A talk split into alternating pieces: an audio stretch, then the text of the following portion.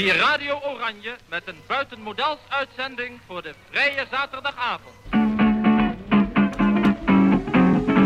De overheid heeft het publiek bevolen. Als het donker is, dan moet het donker zijn. Er mag geen enkel licht naar buiten schijnen. Bezet.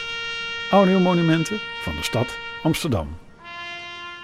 Welkom bij de allereerste aflevering van de podcast Bezet van het Amsterdams 4 en 5 mei comité. Mijn naam is Pieter Bas van Wiegen en ik fiets nu op mijn rammelende stalen ros door een intelligent gesloten Amsterdam. Geen toeristen, weinig auto's en vliegtuigen en een schone blauwe lucht. Die coronacrisis is eigenlijk best wel fijn op dit moment. Hoe anders was dat op 23 maart, toen minister Grapperhaus een voor ons chockerende mededeling had. We hebben besloten om bestaande maatregelen aan te scherpen om ervoor te zorgen dat ze beter kunnen worden gehandhaafd. En dat komt neer op drie dingen. Allereerst, alle samenkomsten, dat zijn evenementen en bijeenkomsten, verbieden we tot 1 juni in plaats van tot 1 april. En er geldt geen ondergrens meer van 100 personen. Wat? Tot 1 juni geen openbare bijeenkomsten meer? Dat betekent een streep door alle voorbereidingen van het Amsterdamse 4 en 5 mei-comité. Geen openbare herdenkingen, geen theater naar de Dam, geen bevrijdingsfestivals, geen vrijheidsmaaltijden en bovenal geen open Joodse huizen, huizen van verzet. Het programma dat ik sinds een paar jaar met Carlijn Limburg, een stagiaire en talloze hardwerkende vrijwilligers maak. Het is vervelend voor ons allemaal en in het bijzonder voor onze stagiaire Miraf. Om toch iets van haar stage te maken, heb ik mijn microfoon op een lange stok gebonden en ga ik samen met Miraf op anderhalve meter afstand door de stad op zoek naar haar eigen Joodse geschiedenis. In Open Joods Huis in uw oor dus. Hallo, uh, Miraf, hoe is het? Ja, wel goed. Het is prachtig weer. En ik sta hier in de straat waar mijn bedovergrootmoeder is geboren. Wat heel erg onwerkelijk is. Ja, een soort dubbel onwerkelijk. Hè? Want we zouden eigenlijk uh, nu een soort enorme stress hebben met vrijwilligers en locaties en dingen. En, en, nee, het is helemaal anders gelopen. Ja. ja, totaal anders. En überhaupt dat ik nu op straat sta is best wel bijzonder. Dat heb ik de afgelopen weken niet zo vaak gedaan. Nee, jij bent ook de eerste collega die ik weer zie. Ja, jij ook mijne. Moeten we aan deze kant zijn of aan de overkant? Uh, daar is het. Eentje. Oké, okay, laten we daar even verder. Ja.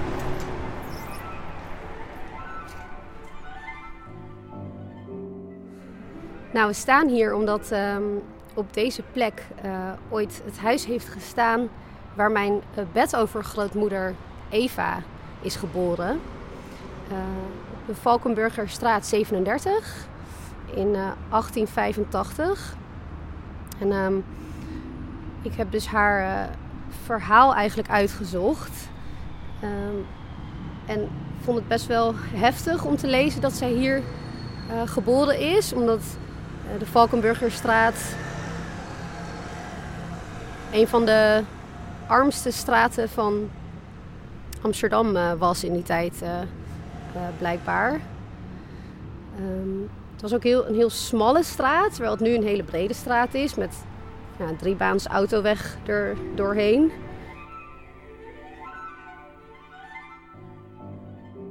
De Valkenburgerstraat.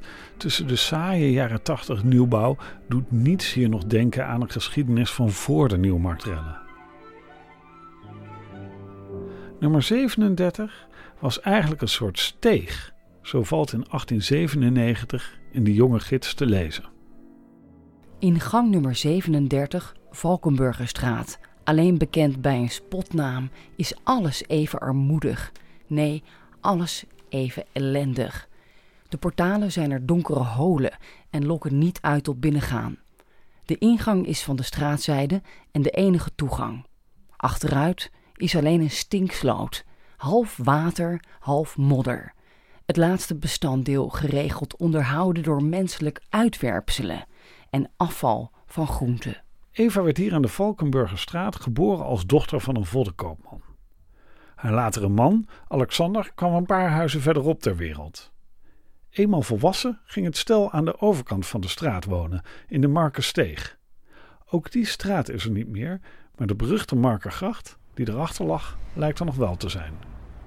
Nou, Eva ging hier dus wonen met haar uh, kerstverse man Alexander. ze waren toen dus allebei rond de 20 jaar. Ze kreeg al heel gauw drie kinderen. Eén meisje en twee jongens. En ik vond het zelf wel interessant omdat ik over deze steeg, de Markensteeg, heb gelezen dat uh, hij echt bekend stond om de hoeveelheid kinderen die hier rondkrioelden. Uh, met name ook uh, in de Markengracht hierachter. en ik kan me dan zo voorstellen dat die kinderen dan op een warme zomerdag de gracht insprongen. maar in die tijd werd die gracht klaarblijkelijk de moordenaar genoemd, omdat die kinderen daar dus ook gewoon niet levend uitkwamen. Die gracht was dan denk ik zo vies. Uh, ik heb ook gelezen dat er ratten in zwommen, zo groot als katten. dus die kinderen die sprongen die grachten in en kwamen er helemaal niet levend uit.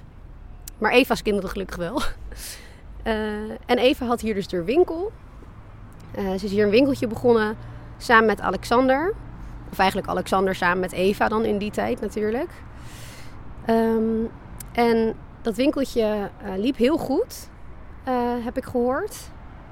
Um, het liep zelfs zo goed dat uh, op een gegeven moment, toen deze hele buurt gesloopt werd, begin 20e eeuw, dat Eva toen samen met haar winkel kon verhuizen naar de Transvaalbuurt. Tegenwoordig kun je weer een beetje in de gracht zwemmen, maar ik moet er toch niet aan denken. Gaan we naar de Transvaalbuurt? Ja.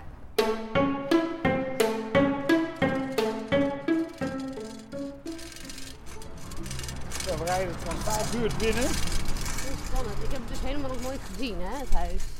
Nou ja, welk nummer is het? 40. 40, oké. Okay. Is 15. 75. 40 zei je? Ja. Heb ik hem. Ja, het is uh, het winkeltje van Eva. Is nu dus een biljart- en dartcafé. Wat ik echt hilarisch vind. En ze hebben airconditioning en twee dartbanen. Heel chic. Maar ja, het is best wel leuk omdat ja, ik, ik zie zelfs nu dat dit echt een upgrade is. Ten opzichte van de Markensteeg Valkenburgerstraat waar we net waren. Zelfs nu in, in 2020 zie ik dat. En ik vind dit sowieso gewoon een heel gezellig plein. Ze hadden een winkel in uh, comestible. En dat betekent uh, dat ze allerlei delicatessen verkochten. Dus allemaal lekkere dingen. Uh, dus zalm, chocola, uh, koekjes. Uh, en dan wel natuurlijk allemaal kosher. En de winkel was ook kosher. en mijn oud-tante Eefje heeft mij dus verteld dat ze eigenlijk vanaf het moment dat ze hierheen verhuisde, dat ze toen echt ontplofte. Dus dat ze echt super bekend werd in Joods Amsterdam. dat ze het echt heel goed deed. Dat iedereen wist wie ze was zelfs iedereen dus hierheen kwam voor haar uh, spulletjes. Eva komt hier op het Krugerplein een nieuwe liefde tegen. Arnold. Arnold is net als haar vader lompenkoopman. In 1931 sluit de winkel en het is onduidelijk waarom dat zo is. Was het de crisis? Wilde Eva wel eens wat anders? We weten het niet. In elk geval kon Eva niet stoppen met werken, want vanaf dan staat ze te boek als naaister. Dan aan de vooravond van de Tweede Wereldoorlog slaat het noodlot andermaal toe. Een aantal jaar voordat de oorlog uitbreekt, dat Arnold dan ook overlijdt. Dus dan wordt Eva voor de tweede keer weduwe, wat echt heel erg zielig is. Echt heel naar om over na te denken. En um, ja, blijkbaar rest haar dan dus niks anders dan om bij haar dochter Elisabeth in te trekken. En Elisabeth woont op dat moment op de Markensteeg 9. Dus dat is uh, recht tegenover de restanten van het pand waar ooit Eva succesvol de winkeltje was. Want dat pand is inmiddels gesloopt door de gemeente. De gemeente toen de hele Jodenbuurt eigenlijk uh, sloopte. En daarom is daar nu ook niks meer van te zien. Um, en ja, blijkbaar had ze dus zo weinig op dat moment dat ze niet meer in staat was om zelf iets te huren. Uh, zodanig dat ze dus bij haar dochtertje moest intrekken, die ook inmiddels al een gezin had met een, met een kindje van anderhalf, twee jaar en een man. Dat is wel heel naar voor haar. Ik denk dat het ook wel heel confronterend moet zijn geweest.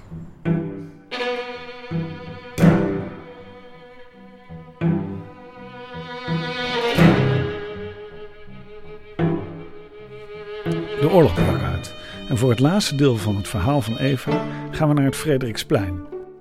Een plek waar Miraf een bijzondere vondst deed. Toen ik dus uh, dit onderzoek aan het doen was naar mijn bedovergrootmoeder, bladerde ik op een dag een keer door de atlas van de bezette stad heen. En toen zag ik opeens, gewoon per toeval, een foto van de fietsenrazzia op het Frederiksplein. Um, en op die foto zag ik eigenlijk gewoon alleen maar fietsen. Het frame was gewoon helemaal vol. Het stond helemaal vol met fietsen. Die er allemaal hetzelfde uitzagen. Behalve één fiets in het midden van de foto. Waar een heel groot krat op de voorkant zat. En daarop uh, stond Nikkelsberg kledermaker geschreven. En ik schrok me natuurlijk helemaal kapot toen ik dat zag. Want ja, is gewoon ontzettend toevallig dat ik dat zo zomaar tegenkwam. Maar überhaupt ook dat van al die fietsen deze fiets zo gefotografeerd is toen. Um, en in de tijd dat deze fietsrazzia plaatsvond, dat is in 1942 geweest. Uh, toen woonde Eva uh, nog steeds bij haar dochter Elisabeth, maar inmiddels op de Rijnstraat. Dus ze waren ook alweer een keer verhuisd in de tussentijd. En als je dan kijkt naar de verschillende uh, locaties waar die fietsen moesten worden ingeleverd door alle Joden, dan zie je dat deze locatie op het Frederiksplein eigenlijk vanaf de Rijnstraat meest voor de hand liggend was voor Eva om, om haar fiets hier in te leveren. Um, ja, en we weten dat uh, Eva inmiddels uh, kleren was gaan maken en haar winkeltje had gesloten. Dus ja, of die fiets van haar is geweest, dat kan ik natuurlijk absoluut niet met zekerheid zeggen. Maar die kans is toch wel. De kans is er, laat ik het zo zeggen, dat het haar fiets is geweest. De fiets op het Frederiksplein lijkt een van de laatste levenstekens van Eva Nikkelsberg. Ze wordt uiteindelijk in Sobibor vermoord. Miraf maakte dit verhaal op basis van bronnenonderzoek in archieven en oude kranten. En dat vulde ze aan met een aantal overleveringen van haar familie. Vraag is nu hoe dit onderzoek haar uiteindelijk heeft veranderd. Ik heb echt heel duidelijk een soort transitie gevoeld in mijn eigen emoties hierover. Want toen ik hier aan begon, natuurlijk was ik heel erg geïnteresseerd in deze geschiedenis. Maar ik voelde er echt niet zo heel veel emotie bij. Uh, maar ik heb wel gemerkt naarmate ik steeds meer uh, te weten kwam en dus ook familie heb gesproken erover, dat ik me ook steeds meer verbonden begon te voelen met de, ja, eigenlijk de personages in mijn verhaal is het. Want en meer dan dat uh, waren het daarvoor eigenlijk niet voor mij. En um, ik weet nog heel goed dat ik op een gegeven moment aan het opschrijven was wanneer en waar al mijn familieleden zijn omgebracht. En ik weet nog dat ik toen bijvoorbeeld ook las dat het dochtertje van Elisabeth, waar uh, Eva dus de laatste uh, jaren van haar leven bij is ingetrokken, dat zij echt op zeven of achtjarige leeftijd is vermoord in Sobibor. En dat je dan opeens beseft dat gewoon een soort achter, achter, achternichtje van mij gewoon vergast is op die leeftijd. Dan komt dat natuurlijk opeens gewoon wel heel erg binnen. En toen zag ik het ook echt voor me. En toen zag ik ook Eva voor me. En al die mensen die gewoon zo erg iets van het leven probeerden te maken. En op zo'n verschrikkelijke manier zijn omgebracht. Dus het heeft zeker mijn, mijn relatie of verhouding tot dit gedeelte van mijn familie heel erg veranderd, denk ik.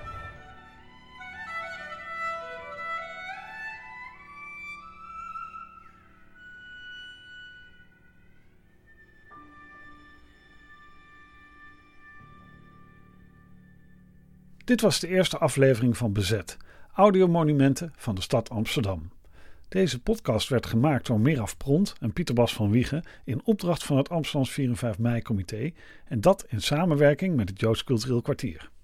De prachtige cellomuziek van Maurice Ravel, die u in deze podcast hoorde, is afkomstig van de nieuwste plaat van celliste Lili Blijdorp. Een absolute aanrader.